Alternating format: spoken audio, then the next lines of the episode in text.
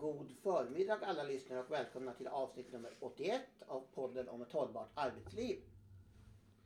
God förmiddag. God förmiddag säger vi alla tre. Ja, och vi alla tre det är Kaj Skoglund. Och Barbro Skoglund. våra experter från Age Management i Sverige AB och jag som programledare i podden heter Johan E. Skoglund.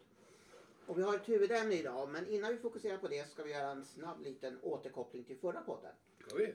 För Kai hade nämligen ett uppdrag. Vi hade ju en livlig debatt där du sa att du skulle kolla om det fanns några företag som specifikt hyr ut seniorer inom till exempel hälso och sjukvård eller skola till, till, till, offentlig sektor.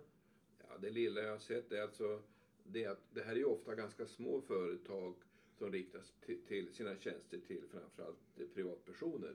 Jag har inte hittat några exempel på Det att de har- handlade om- jag, det jag har handlade hitt- om- ja. Jag har inte hittat några exempel på att de är upphandlade eh, när det gäller till exempel undersköterskor. Jag tror att det, det är andra företag som Mm. finns på den marknaden och det var precis vad jag trodde. Men Då har vi i alla fall fått det redovisat. Men med det sagt så ska vi gå över till, till dagens huvudämne. Det är nämligen så att vi har från vi har fått en del förfrågningar från, från kunder om någonting som heter tillitsbaserat ledarskap. Och tillitsbaserat medarbetarskap. Mm, Och därför så kände vi att det kunde vara läge att, eh, att, att ha en podd där vi pratar lite grann kring detta ämne. Och Ah, vi- vissa reflektioner och vissa så att säga, ja, reflektioner kan man säga. eftersom Kaj sitter med ett, ett, lång, ett tjockt dokument, eller dokument, en rapport helt enkelt som Kaj sitter Ja. så antar jag att du känner att du vill börja. Ja, det är som alltid att vi vill ju gärna gå till forskningen och se vad finns det för forskningsbaserat underlag för olika företeelser som vi är Vi intresserade kanske ska av. börja först innan vi gör det med att förklara vad det är tillitsbaserat ledarskap om inte alla vet om det som lyssnar på podden. Ja, Ja. Det kommer vi till för det är Okej. inte så Det är- enkelt det är nämligen inte det, det, lättaste. Det, det, det är ett av eh, funderingarna. Ja, framförallt det är ett det utav de kritiska Ja, funderingarna. men då går Mm. vi vidare. Och då är det så här att det finns väldigt lite forskning, nästan ingen forskning alls om det som kallas för tillitsbaserad styrning och ledning. Eller tillitsbaserat ledarskap eller medarbetarskap. Och det framgår, och det här är en rapport från eh, eh, KFI som står för Kommunforskning i väst. Mm. Eh, I en rapport som har kommit här eh, rätt nyligen och den heter så mycket som Vad vi vet om tillitsbaserad styrning och ledning. Och man kan väl egentligen säga att eh, det enkla svaret på den frågan är rent forskningsmässigt vet man nästan ingenting. I stort sett. kan vi lägga ner det här poddavsnittet. då. Nej då. Nej, nej, nej. Det är ju så att väldigt många kommuner och regioner och statliga myndigheter är väldigt intresserade av det här och, och därför är den här rapporten, det ger en viss vägledning. Eh, Man kan säga att med hjälp av den här så, så om man ska arbeta med det här konceptet så kan man hitta ska vi säga, falluckor och eh, saker, problem som måste hanteras. Eh, bakgrunden var ju faktiskt eh, en diskussion om New Public Management. Eh, och en driva, det som egentligen Och New igång- Public Management är för de som är nytillkomna poddlyssnare. Ja, det, det kan man säga ett styrningssystem hämtat från det privata näringslivet. Eh, nu står det NPM som är förkortat står för väldigt mycket så även det är ett rätt så vitt begrepp. Utan, Ganska luddigt med andra ord. ganska luddigt begrepp, Mm. men i alla fall. Och det, Och som, det har ju funnits i vadå, 20 år eller någonting ja, sånt där. det, många 20, förknippar med Margaret Thatchers Ja. styre i Storbritannien. Hur man ville ska vi säga, utveckla den offentliga sektorn. Men en drivkraft i, i den reaktion mot det här som kom, det var den artikel, eller serie artiklar var det som Maciej Saremba skrev för DN Mm. om, om sjukvården, styrning av hälso och sjukvården. Och det här ledde till att ehm, den socialdemokratiska regeringen under dåvarande civilministern Ardalan Shekarabi eh, i en budgetproposition år 2015 för sju år sedan lyfte det här med nu skulle man som ett alternativ till, till New Public Management hitta andra former för styrning eh, som byggde på, på, egentligen på tillit. Eh, och då, var, då tillkom så småningom det som kom att heta Tillitsdelegationen Mm. som arbetade under fyra år mellan 2016 och 2020 och lämnade sex betänkanden. Det var den som Laura Hartman var chef Eh, exakt. för. Hon, hon ledde den Hon ja. tidigare hade avgått från SNS och de inte ville publicera kritiska Och nu är hon väl fortfarande Alltså, ekonom på Hon är LO. chefsekonom på LO Ja, just.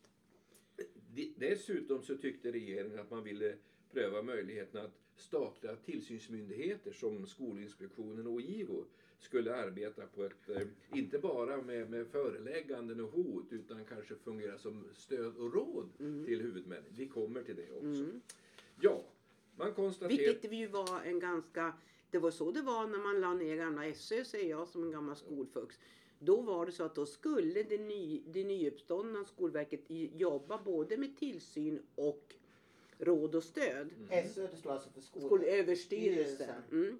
Och alla vi som har sett den prisade dokumentärserien, eh, vad heter den nu igen, eh, Vem mördade svenska skolan? Där kan man ju se om, om just Skolöverstyrelsen, hur det blev Skolverket. Då. Ja, men det, det, från början var det ett. Men sen konstaterade då eh, både tyckare och eh, eh, överhuvudtaget den man kan säga allmänna opinionen, men man behövde två. Man behövde en stödjande verksamhet och ett Skolverket och så behövde man en eh, inspekterande verksamhet, det vill säga Skolinspektionen. Så så blev det två. Och det senaste nu är också att Skolverket har fått en massa lokala kontor. Just det. Men får vi återgå nu Mm, men till det- men den det-? Men den är faktiskt en viktig, Ja. eftersom du lyfter upp Men det så var det väl en, liten bra historisk exposé. Vi, vi kommer till det. Ja men nu föregrep jag det och Absolut. det är smällar man får ta. Ja, Mm. typ. Och det är ju ingen tvekan om att tillitsdelegationens betänkande och de sju grundläggande principerna som han har fastställt, för det tänker jag inte gå igenom. Eh, De, om det säger man så här att delegationen har lämnat en ganska abstrakt instruktion för hur myndigheter, regioner och kommuner ska arbeta med, med det tillitsbaserade arbetssättet. Och vad, vad betyder det då i, i Lämnat en abstrakt, Det eh, betyder att det är inte särskilt konkret. Det- Hur ska det tillämpas i praktiken? vilket ju är en ganska ordentlig Ja, man säga. Eh, ra- eh, inte, inte bara en randanmärkning utan en, en, en Sen, klar... sen å andra sidan, ja det kan man kanske förstå för det här var ju så brett och skulle rikta Ja sig till alla men- mm, organisationer. Men det är ingen tvekan att det, det andas en kritisk ansats i den här Ja, jag ville bara... Nåväl, för att få reda på lite mer så skickade man ut en enkät eh, till kommunernas ekonomichefer för övrigt under hösten 21. Hade en hygglig svarsfrekvens, 68 procent. Efter tre påminnelser. Ja, ja, men det är ändå en bra Ja, svarsfrekvens. men det var ändå så. Det var inte så att de kastade sig över det jublande Nej, första men- gången. Nej. Men det, det är, med nutida förhållanden så är det en bra Ja, svarsfrekvens. men de, de fick jobba på det. Ja, det fick de väl göra, men de uppnådde 68 procent Mm. i alla fall. Och det var ju vackert så. Och då visade det sig att en majoritet av kommunerna, alltså fem- 60 procent, arbetade med någon form av tillitsbaserat arbetssätt. Lite intressant är att det var vanliga i det man säger högerstyrda kommuner jämfört med vänsterstyrda. Det var lite roligt med tanke på att initiativet till hela det här upplägget kom ju från den socialdemokratiska Och regeringen. sen beror det på då hur, vad man menar med höger och vänsterstyrda. Ja, ja. Eh, och... ehm, Många kommuner jobbar man ju över, över de gränserna. Ja. Mm. Vi ska kanske inte gå in på hur man har definierat det. Nej. Nåväl, den vanligaste utmaningen enligt den för kommunerna det var svårigheter att konkretisera hur de skulle arbeta med tillägg. Alltså konkretisera. Återigen att det, var, det är ganska vaga oklara begrepp och ska man konkretisera det och då uppstår svårigheterna. Sen eh, upplevde många kommuner också, var ganska vant att andra frågor, andra prioriteringar ledde till att man lade det här med tillit åt sidan. Typiskt på det, det finns exempel på, är när det blir ekonomisk åtstramning. Då, då måste man jobba på ett annat sätt tycker kommunerna. Jag tyckte cheferna när jag tittade på det. Ja. Det visade sig ju att chefer som hade tyckt det här skulle man kunna jobba med. Men när det blev åtstramningar då var det, då, då förändrades attityden till det tillitsbaserade och istället så, så blev Man det en kan, kraftfullare man styrning. kanske kan uttrycka så att då litar man inte riktigt på det tillitsbaserade arbetssättet och är mer benägen att peka med hela handen. Mm. Som sagt vad jag nämnt det, men jag citerar igen. Det har ännu inte genomförts särskilt många vetenskapliga studier av det tillitsbaserade arbetssättet. Det intressanta är det här med, med, med vi var inne på det här med statliga inspektionerna. Eh, och då konstaterar man att några, några större försök att eh, arbeta mer tillitsbaserat från till exempel Skolinspektionen och IVO, det kan man inte notera. Eh, Och det präglas ju snarare deras arbetssätt av, av eh, som vi har sagt det många gånger eller olika tillfällen, växande misstro eh, och allt större viten, direkt lobbyverksamhet för att påverka eh, kommuner. Och då skulle det också vara intressant, ja just det, nu pratar vi kommunerna. Ja. Ja. Sen kommer vi till en annan intressant sak. Och det är som säger, problemet för förvaltning är att den politiska nivån istället blandar sig i delegerade frågor och beslutar ad hoc Särskilt när frågor har blivit uppmärksammade externt, i praktiken media. Det betyder, och det är ju så att politiken lämnar ifrån sig en rad beslutsbefogenheter till tjänstemän. Men det är alltid politiken som när som helst kan upphäva det eller lägga sig i det. Och när media börjar skriva om skandaler eller brister och så vidare, då, då, då, och det vet du ju så väl, då händer det saker och ting. Och då spelar det ingen roll om man har jobbat med tillit eller någonting annat. Sen finns det ett annat, ett väldigt konkret exempel från min gamla bransch, hälso och sjukvården. Det har några år på nacken, det här var kanske 5-6 år sedan. Det var så att Region Skåne skulle jobba mer tillitsbaserat inom sjukvården. Och då gick de till införde, eller såna, återinförde anslagsfinansiering, för det är ju den traditionella Mm. finansieringen, alltså en rambudget. Och varför det då? Jo, man ville, man hade, det var kritik mot det tidigare ersättningssystemet för det var prestationsfinansiering, vad man fick betalt för det man gjorde. Presterar man mer fick man mer betalt, presterar man mindre fick man mindre. Det finns ett system hur man mäter prestationer också inom den specialiserade sjukvården. Men i alla fall, då ville regionledningen öka tillgängligheten och minska vårdköerna. Men man insåg att man hade inte råd att betala för mer prestationer. Så därför skulle man då, i- skulle man med form av anslagsfinansiering ge tillit och trodde att enheterna skulle öka sin produktion för att öka tillgängligheten. När de fick fria händer och mandat att agera på ett annat sätt. Men mellanchefer och medarbetare tyckte inte att de fick något ökat handlingsutrymme. Och istället blev den effekten den motsatta. Vårdproduktionen minskade. Eh, man säger så här, studien ger en intressant inblick i vad som kan hända när en till synes icke tillitsbaserad ersättningsmodell överges till förmån för en till synes tillitsbaserad anslagsmodell. Och det ser man alltså, det här är ju inte enkelt. Det är inga enkla och lågt hängande frukter att plocka hem. Ursäkta mig en fråga Mm. bara. Mm. Så att den här rapporten har alltså granskat både kommuner och regioner.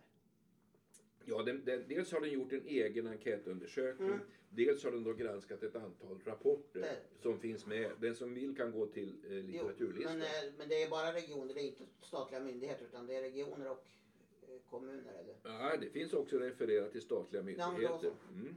Eh, här kommer ett exempel på det. Man resonerar kring Skolverket bland Ja, annat. till exempel bland annat. Ehm, Sen säger man också att eh, det är inte så säkert att medarbetarna är så där lyriska inför att få, för med tillit följer ju större ansvar. Medarbetaren förhöll sig avvaktande i en rapport till ökat handlingsutrymme eftersom det då övertog ansvaret för att arbeta på rätt sätt, att göra rätt prioriteringar och att lösa ah, uppgifterna. Och i den här rapporten som man har studerat säger man också att ytterligare en notering var att det var svårare att få medarbetare att acceptera ökat handlingsutrymme i besparingstider. Ja, men det, det, det kan jag kommentera för det är en ja, av mina kommentarer när jag Ja, läste ja, den där. Eh, och det här är ju, är ju, innehåller ju mycket, mycket mer. Inte bara i besparingstider. Nej. Utan att de, dessutom så bekräftar det ju vår gamla käpphäst. Att bara för att man är medarbetare eh, som grupp så betyder inte det att alla som är medarbetare är intresserade eller vill eller har kapacitet. Det betyder inte att de är lata eller utan ja, min, min grej är att jag, jag sköter mitt arbete så bra jag kan. Men jag, behöver in, jag, jag känner inte att jag behöver ha utökad makt. För det är faktiskt det det här är frågan om. Det vill säga när man ska jobba tillitsbaserat så måste man som chef, ledare eller politiker där man ligger, lämna över makt. Och det är det här som gör då att eh, bland annat politiker som, har, eh, som äger makten i slutändan. Det jag, det jag, Jag vill komma in med men jag, ska, jag har en till Okej. reflektion i det här som passar in i, i detta. Och det är till exempel om du lämnar över då ansvar och befogenheter till, till medarbetare. För det första så kan man inte göra det till en grupp på, på en arbetsplats för det funkar inte kommunallagsmässigt. Utan du måste överlämna det så att säga. För man, man behöver alltså avkräva ansvar. Och för det andra så har du då eh, arbetsmiljölagstiftningen som, som har sin, sitt spår från arbetsgivare eh, hela vägen ner. Det ska följa så att säga organisationens, ja, hur organisationen ser ut. Eh, så att du kan i det här fallet då, om det händer en olycka, vid Gud förbjude, eller någon annan typ utav, du, har, du behöver alltså eh, till exempel om hur arbetet ska utföras på ett särskilt sätt, 2015 kolon 4 paragraf 10. det vill säga som är, eftersom då, det här gäller hela arbetsmarknaden. Inte bara då offentlig sektor där man har, där man har testat det här. Och, och om man då, ja, vi spånar då ett exempel. Nej, men jag tycker inte att man behöver ha den här säkerhetsordningen. För jag tycker att jag klarar av det här. Så därför så, lita på mig, jag vet vad jag gör. Om Ja. jag nu ska hårdra det här. Jag Va? har flera citat som exakt belyser Ja. Barbro det du tar upp. Ja, vad Men- bra. Därför att Ja, men, jag kommer, men Johan ville hoppa in. Ja, Ja, jag ville hoppa in med, med bara en reflektion och det här är för det helt annat, men den är intressant ändå. Det var så att 1995 så eh, var Barbro gymnasiechef Ja, det var jag. och då hade du skickat eh, dina lärare, de hade fått lyssna på en föreläsare, det var en kvinna som hette Jeanette Woster, de som hette Inlärningsrevolutionen. Mm. Och vi hade, jag gick då i ettan på gymnasiet, jag hade börjat på hösten 95 och då hade vi dubbeltimme i matte på fredag eftermiddagarna. Och den där läraren hade då lärt sig att man skulle få lyssna på musik för det skulle stimulera lärandet så hon spelade klassisk musik. Och så var det vissa elever som sa ja, men vi, vi, vi har svårt att koncentrera oss med det där. Ja men så då kan ni få ett annat klassrum för det fanns flera klassrum lediga. Så då gick de och satte sig i ett annat klassrum, bland annat jag. Och vad som hände där var att då satte de istället på en popskiva och spelade. Och så var det en elev som tog pekpinnen och vässade i pennvässan så den blev vass. Och så sprang han runt och stack eleverna och läste absolut inga mattetal. Och då hade den läraren missuppfattat det här för det var nämligen på individnivå det här skulle ske. Mm.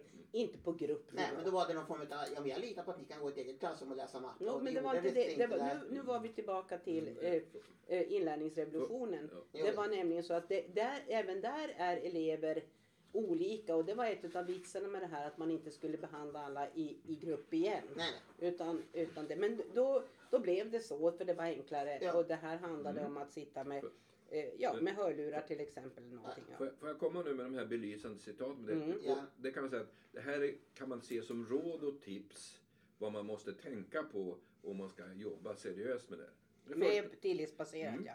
det första är, eh, det är ett exempel från en hemtjänst, en ganska stor hemtjänstenhet.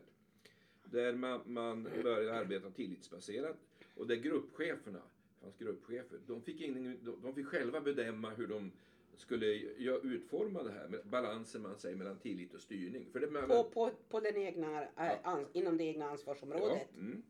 Och då säger man så här, det första. Helt klart var det emellertid att de chefer som hade en citat militaristisk framtoning inte kunde vara kvar.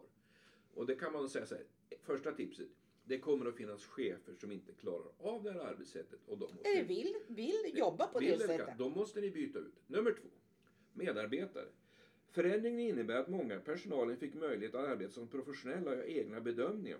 Men för den som inte hade tillräcklig kompetens blev det en för stor utmaning. Mm. Så nästa exempel är att det finns medarbetare. Det behöver inte vara så att de är negativa eller motvilliga. Men de har inte tillräcklig kunskap och kompetens för att klara det. Mm. Då måste man hantera det och vara medveten om det. Och då kan vi, då, då kan vi bara som en då Mm, inne, mm, att från och med nu 2023 mm. så införs det generellt sett i Sverige skyddad yrkestitel för undersköterskor. Mm. Det har vi ju pratat om. Och en hel del. Ja. Och, detta, och där har vi, där är kompetenskraven tydliga. För att man ska kunna bli bedömd att, ha, att, att kunna använda sig av den skyddade yrkestiteln. Och där vill jag bara påpeka att det betyder inte att du är garanterad arbete som undersköterska. Men du är behörig att söka dem och, arbetsgivaren fortfarande äger uttagningsprocessen. Hade du mer exempel kanske? Jag hade en annan aspekt. Ja, men jag vill tar vi göra- sen. ta det färdigt här så får koppling till Barbro. Det tredje, du nämnde arbetsmiljö. Och I en annan rapport så utfärdades en allvarlig varning för att man kan skapa mindre hållbara arbetsmiljöer för medarbetare om det reduceras till en management-slogan som i praktiken inte innebär något annat än att ansvar förflyttas längst ut i organisationen genom ett förment välvilligt men en förment välvillig men bedräglig tillitsdiskurs. Det vill säga, det är inte, det, finns ingen sanning bakom orden. Och det fjärde och sista. Ja, förment, men det betyder att det är ganska cyniskt. Ja. Det vill säga, det får ni ta hand om. Vi Ja. behöver inte ha det här ansvaret Och- som sitter på nästa Ja, led. Och då kan man säga också, det fjärde har en koppling till det lite grann. Indikationer på att det är svårt för enhetschefer att veta hur de ska styra och leda tillitsbaserat och ge medarbetarna handlingsutrymme som är väl avvägt. Och så är det så, inte helt oväntat är dessutom en del medarbetare negativa till ett Mm. handlingsutrymme. Så man måste vara medveten om att alla kommer absolut inte att ställa sig och jubla och tycka det här är toppen. Tvärtom, det här kommer att mötas av, av motstånd och invändningar Mm. som man måste kunna hantera. Om man nu bestäm, om det nu be, är bestämt Mm, mm. på en arbetsplats, alltså av, av, av parterna, eh, vilket det bör Mm. vara, att man ska arbeta tillitsbaserat. Sen finns det ytterligare en aspekt ut i de här rapporterna att det finns en, en tendens att, att tillitsbaserat arbetssätt innebär mer arbete med styrning och ledning. Det kan ju tyckas lite Klart. oväntat Det är klart på det gör. sitt sätt. Du måste, du måste ju då styra via Ja. riktlinjer, rutiner, därför att du, du, annars så, vad som händer annars är ju att det spretar iväg. Mm. Eh, och, och, det, och, och framförallt den här ekonomiska konsekvensen utav det här. Avslutningsvis, nu kommer slut, sist, på slutet så finns det under framtiden för tillitsbaserad styrning och ledning. Och det är inte så att den här rapporten säger att det är fel med det här arbetssättet. Utan, men den lyfter ju fram som sagt var avsaknad av forskning. Så där har man inte så mycket stöd. Och så de här problemen som kan uppstå. Och så säger man så här. För närvarande handlar det om ett vagt fenomen. Men det förknippas med positivt värdeladdade ord som tillit, handlingsutrymme, medborgare, brukarorientering, samverkan, långsiktighet och öppenhet. Dessutom kopplas det samman med en vilja att ta bort detaljstyrning och onödig administration, vilket också vanligtvis är populärt. Och så kommer slutklämmen. Det ska emellertid noteras att det som utverkar vaga koncept som sprids snabbt är att det vanligtvis inte blir så långlivade. Eller som en forskare skrev i, i en artikel i Dagens Samhälle. räkna med att det kan bli backlash. Mm. Mm. Så det här tyckte jag var väldigt intressant och återigen inte så att vi säger till våra kunder som du frågar, som du nämnde Johan, nej, ni, vi avråder er från det. Det gör vi absolut inte och vi, hjälper, däremot- gärna, vi hjälper gärna till att utveckla det men då måste man se såväl möjligheter som inte minst hinder. Och det här är en del, innan du kommer in Johan, är det en slutreflektion du ska ha? Nej, jag hade en, en, Ja, men ta- ta den då. Jag hade en annan Ja men reflektion. då, så, då, då tar jag slutreflektionen. Jag hade en annan reflektion. För vi har pratat om tillitsbaserat eh, ledarskap och tillitsbaserat medborgarskap. Och då vill jag tala om något som jag kallar för tillitsbaserat medborgarskap. Jag ska förklara vad jag menar med Mm. detta. Mm. Så här är det att för cirka 10-15 år sedan så kunde du i princip knalla in i ett kommunhus och så kunde du eh, trycka på hissen om det fanns flera våningar så kunde du åka upp till våning tre och prata med en handläggare utan att anmäla besök. På socialtjänsten fanns det ofta receptioner för där hade man ju ibland klienter som kunde vara våldsamma eller på annat sätt. Och de har mycket sekretesshandlingar. Och, ja. Och oftast var det också så att man, man kunde typ ha öppet hus för bygglov och sånt där. Så kom när du vill och sånt där. Och det var väl en slags tillit till medborgarna. Sen om det beror på att man har fått ökat hot och våld, det vet jag inte. Men till exempel en sån kommun som Luleå, de har nu infört att du kan, det finns inga telefonnummer på hemsidan. De har bara ett enda centralt nummer som heter medborgarservice. Dit ska du ringa och där ska du sen bli, bli, få hjälp med ditt ärende. Och jag har ringt några gånger och försökt få svar på saker och de vet ingenting. Alltså de måste säga, nej men, och de vet oftast inte heller vem de specifikt ska hänvisa till. Till exempel alltså sådär. Och, eh, och eh, en annan aspekt av detta är också den här nya myndigheten Statens servicecenter som finns på allt Mm. Där man alltså Försäkringskassan och sånt där Mm. kommer få i borden också. Pensionsmyndigheten, Försäkringskassan. Och- eh, Arbetsförmedlingen. Mm. Allt ska finnas på ett enda ställe så du ska kunna få hjälp med ärenden. Och vi har även i Boden fått någonting som heter servicepunkter som finns ute på landsbygden som jag har skrivit i Radio Sveas journalist. Och det är alltså, det är alltså typ ute i mindre byar då, där man då får bidrag från kommunen för att ha en anställd som står att vi ska kunna hjälpa dig med allt. Är du nysvensk vill du veta om man fyller i blankett, kom. Har du problem med ditt bank alltså de ska kunna vara någon slags allmänna servicecentraler. Och även biblioteken har ju fått den rollen. Ja. Biblioteken har ju gått ut och sagt att vi får numera ta, ta hand om allt fler människor som inte klarar av sin bankdås eller behöver hjälp med saker som man tidigare fanns andra instanser i samhället som Mm. gjorde. Mm. Men att kommunerna har, i övrigt har blivit mer och mer vad ska man säga, slutna. Att, och, att, och jag vet inte om man ska kalla det för tillbaserat medborgarskap. Men jag tycker det är en intressant, på tal om det här med alltså, att, att jag tycker det är en intressant reflektion att det blir Mm. något slags ska man säga, inte backlash för tilliten, men att det blir mer stängt för medborgarna att få tag i en enskild människa om jag Ja, säger så. intressant reflektion. Barbro, du hade väl mer? Nu är jag, Sen- jag, det, för, Men nu jag får Barbro ta sin Ja, slutreflektion. för nu har Mm. jag talat länge nog. Ja. Och jag Ja. med. Eh, alltså jag, ofta under de här 22-23 åren vi har hållit på med olika typer Mm. av, av uppdrag och utredningar. Och framförallt handlar det ofta när det handlar om när det har Ja, jag uttrycker det lite, alltså när det uppstår en ganska ordentlig konfliktsituation på en Mm. arbetsplats. Och de traditionella, eller de, de, de åtgärder man har, Mm. Eh, Och det är inget fel på de åtgärderna men ibland har det gått så långt så att Så att de, de är inte tillräckliga.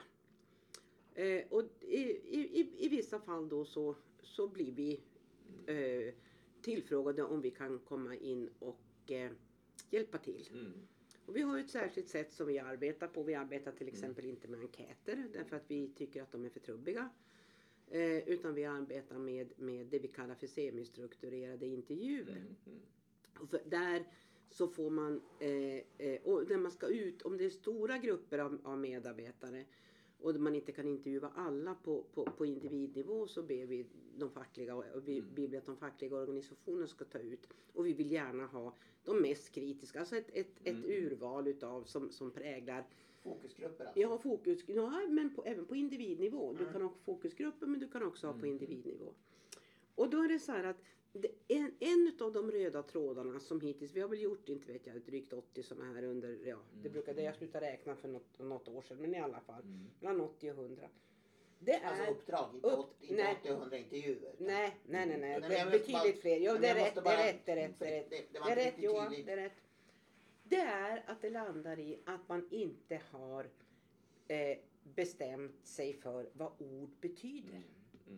Det, det, det visar sig att nej men det, där, nej men det är inte si och det, och så jag skrev ner här, slutreflektion, ordens betydelse. Och här- det här är ett typexempel på det du nu beskriver, det man, det man från den här rapporten i alla fall. Och jag tänkte, ja den röda tråden är, ja vad betyder till? Det är sju stycken då punkter som man tar som man uppfattar i den här rapporten som vaga. Och det kan man säga, för att det här är ord som sätter igång känslor och förväntningar. Vad, vad, vad det här betyder för mig. Eh, delaktighet till exempel, ett sånt ord som är oerhört viktigt. Om vi pratar om bra arbetsmiljö, jag kan avsluta med det som jag har sagt hur många gånger som helst. Som när man kokar ner det forskningsmässigt. Vad, vad är det som kännetecknar en bra arbetsmiljö? Jo, det är att vara sedd och behövd och ha delaktighet och inflytande. Och det är bara så här att på en arbetsplats där man är mer än två pers eller mer än en person så är det så att där är det inte alls säkert, stor sannolikhet är det att är det tio personer så, är det tio, så måste chefen hantera tio olika sätt hur de här medarbetarna vill bli absolut sedda och behövda. Hur, vilken typ av delaktighet och inflytande jag är beredd att ta och som jag vill ha.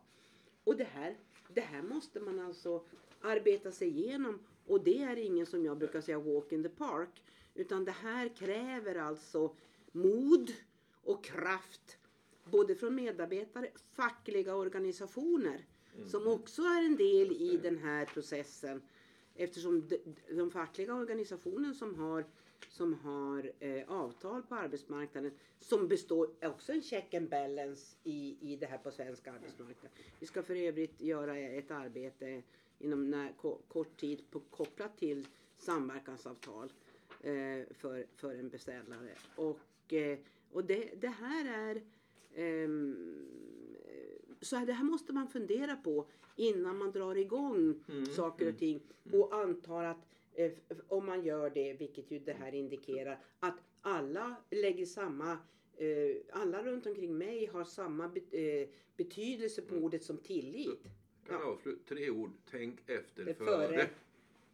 Mm, jag har ett något skrivet exempel som jag inte ska ta här, men jag brukar också fundera mycket på det där, alltså vad är ords betydelse? Mm. Och på tal om ords betydelse så vill jag avsluta med att säga det att vi, vi är ju väldigt stolta för att ha lanserat ordet åldersmedveten. Ja, Och det har nu ynglat av sig, så det ska vi prata om i nästa podd. Och då ska vi också komma in med en annan aspekt på de här seniorbemanningsföretagen som jag har hittat nu på sistone i media. Så det tänkte jag att vi skulle ta till podd 82. 82, Så vi ser bra fortsätter ut. med seniorbemanning och så ska vi prata om det åldersmedvetna ledarskapets eh, Ut, språkliga, ja, språkliga utveckling. utveckling och avyndlande. Ja, Och med det så har vi pratat i 29 minuter Oj, och rekordlångt. 18 sekunder. Vill vi prata i 40 till så vi kommer över 30 minuter i 40 sekunder? Nej. Eller säger vi hej då? vi Nu säger vi hej då. Då säger vi hej då. Hej. Hej då.